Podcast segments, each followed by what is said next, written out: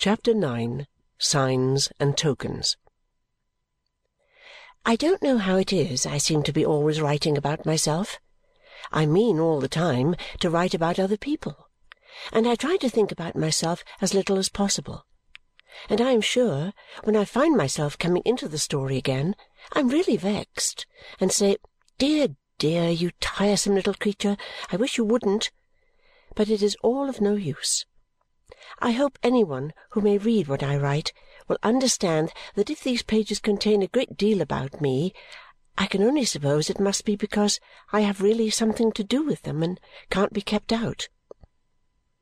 My darling and I read together, and worked, and practised, and found so much employment for our time that the winter days flew by us like bright winged birds. Generally in the afternoons, and always in the evenings, Richard gave us his company. Although he was one of the most restless creatures in the world, he certainly was very fond of our society. He was very, very, very fond of Ada. I mean it, and I had better say it at once. I had never seen any young people falling in love before, but I found them out quite soon. I could not say so, of course, or show that I knew anything about it. On the contrary, I was so demure and used to seem so unconscious that sometimes I considered within myself while I was sitting at work whether I was not growing quite deceitful. But there was no help for it. All I had to do was to be quiet, and I was as quiet as a mouse. They were as quiet as mice too, so far as any words were concerned, but the innocent manner in which they relied more and more upon me as they took more and more to one another was so charming that I had great difficulty in not showing how it interested me. "Our dear little old woman is such a capital old woman," Richard would say, coming up to meet me in the garden early with his pleasant laugh and perhaps the least tinge of a blush, "that I can't get on without her. Before I begin my harum scarum day, grinding away at those books and instruments and then galloping up hill and down dale, all the country round, like a highwayman, it does me so much good to come and have a steady walk with our comfortable friend that here I am again. You know, Dame Durden dear, Ada would say at night, with her head upon my shoulder and the firelight shining in her thoughtful eyes, I don't want to talk when we come upstairs here, only to sit a little while thinking, with your dear face for company, and to hear the wind and remember the poor sailors at sea. Ah! Perhaps Richard was going to be a sailor. We had talked it over very often now, and there was some talk of gratifying the inclination of his childhood for the sea. Mr. Jarndyce had written to a relation of the family, a great Sir Leicester Dedlock, for his interest in Richard's favour generally, and Sir Leicester had replied in a gracious manner that he would be happy to advance the prospects of the young gentleman if it should ever prove to be within his power, which was not at all probable, and that my Lady sent her compliments to the young gentleman, to whom she perfectly remembered that she was allied by remote consanguinity, and trusted that he would ever do his duty in any honourable profession to which he might devote himself. "So I apprehend it's pretty clear," said Richard to me, "that I shall have to work my own way. Hm! Never mind. Plenty of people have had to do that before now, and have done it. I only wish I had the command of a clipping privateer to begin with and could carry off the Chancellor and keep him on short allowance until he gave judgment in our cause. He'd find himself growing thin if he didn't look sharp with a buoyancy and hopefulness and a gaiety that hardly ever flagged, Richard had a carelessness in his character that quite perplexed me, principally because he mistook it in such a very odd way for prudence. It entered into all his calculations about money in a singular manner which I don't think I can better explain than by reverting for a moment to our loan to Mr. Skimpole. Mr. Jarndyce had ascertained the amount either from Mr. Skimpole himself or from Coavinses, and had placed the money in my hands with instructions to me to retain my own part of it and hand the rest to Richard. The number of little acts of thoughtless expenditure which Richard justified by the recovery of his ten pounds, and the number of times he talked to me as if he had saved or realized that amount, would form a sum in simple addition. "My prudent mother Hubbard, why not?" he said to me when he wanted, without the least consideration, to bestow five pounds on the brickmaker.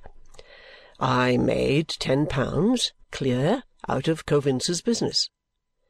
"How was that?" said I.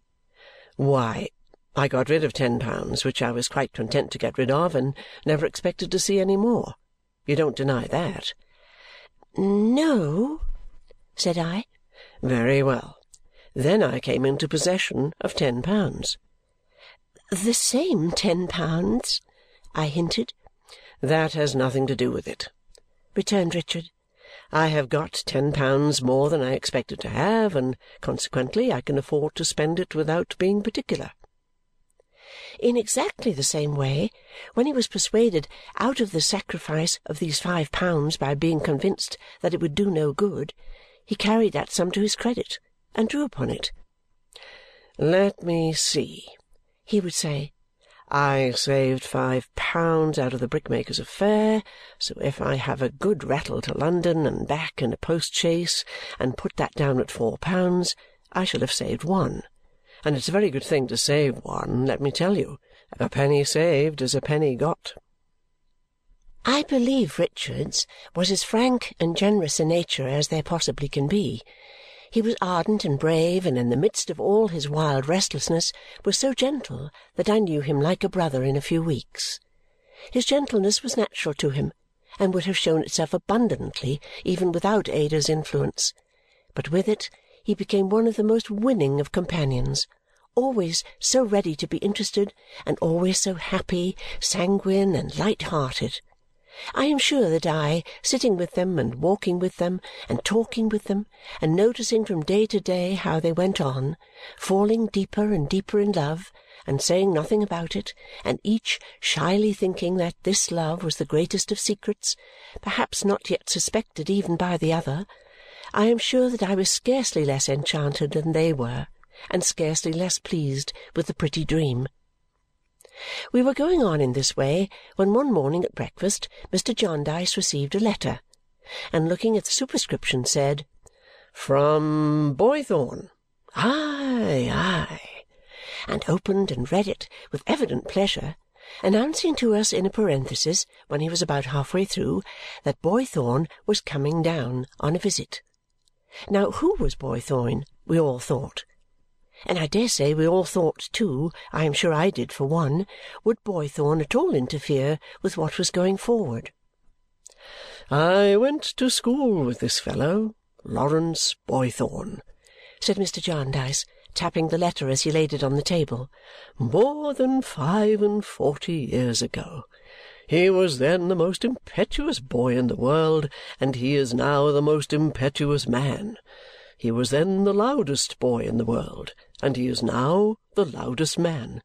He was then the heartiest and sturdiest boy in the world, and he is now the heartiest and sturdiest man. He is a tremendous fellow." "In stature, sir?" asked Richard. "Pretty well, Rick, in that respect said Mr. Jarndyce. "Being some uh, ten years older than I and a couple of inches taller, with his head thrown back like an old soldier, his stalwart chest squared, his hands like a clean blacksmith's, and his lungs there's no simile for his lungs talking, laughing, or snoring, they make the beams of the house shake. As Mr. Jarndyce sat enjoying the image of his friend Boythorn, we observed the favourable omen that there was not the least indication of any change in the wind. "But it's the inside of the man, the warm heart of the man, the passion of the man, the fresh blood of the man, Rick, and Ada, and little Cobweb too, for you are all interested in a visitor that I speak of," he pursued. "His language is as sounding as his voice. He is always in extremes, perpetually in the superlative degree. In his condemnation he is all ferocity. You might suppose him to be an ogre from what he says, and I believe he has the reputation of one with some people. There! I tell you no more of him beforehand. You must not be surprised to see him take me under his protection, for he has never forgotten that I was a low boy at school and that our friendship began in his knocking two of my head tyrant's teeth out he says six before breakfast.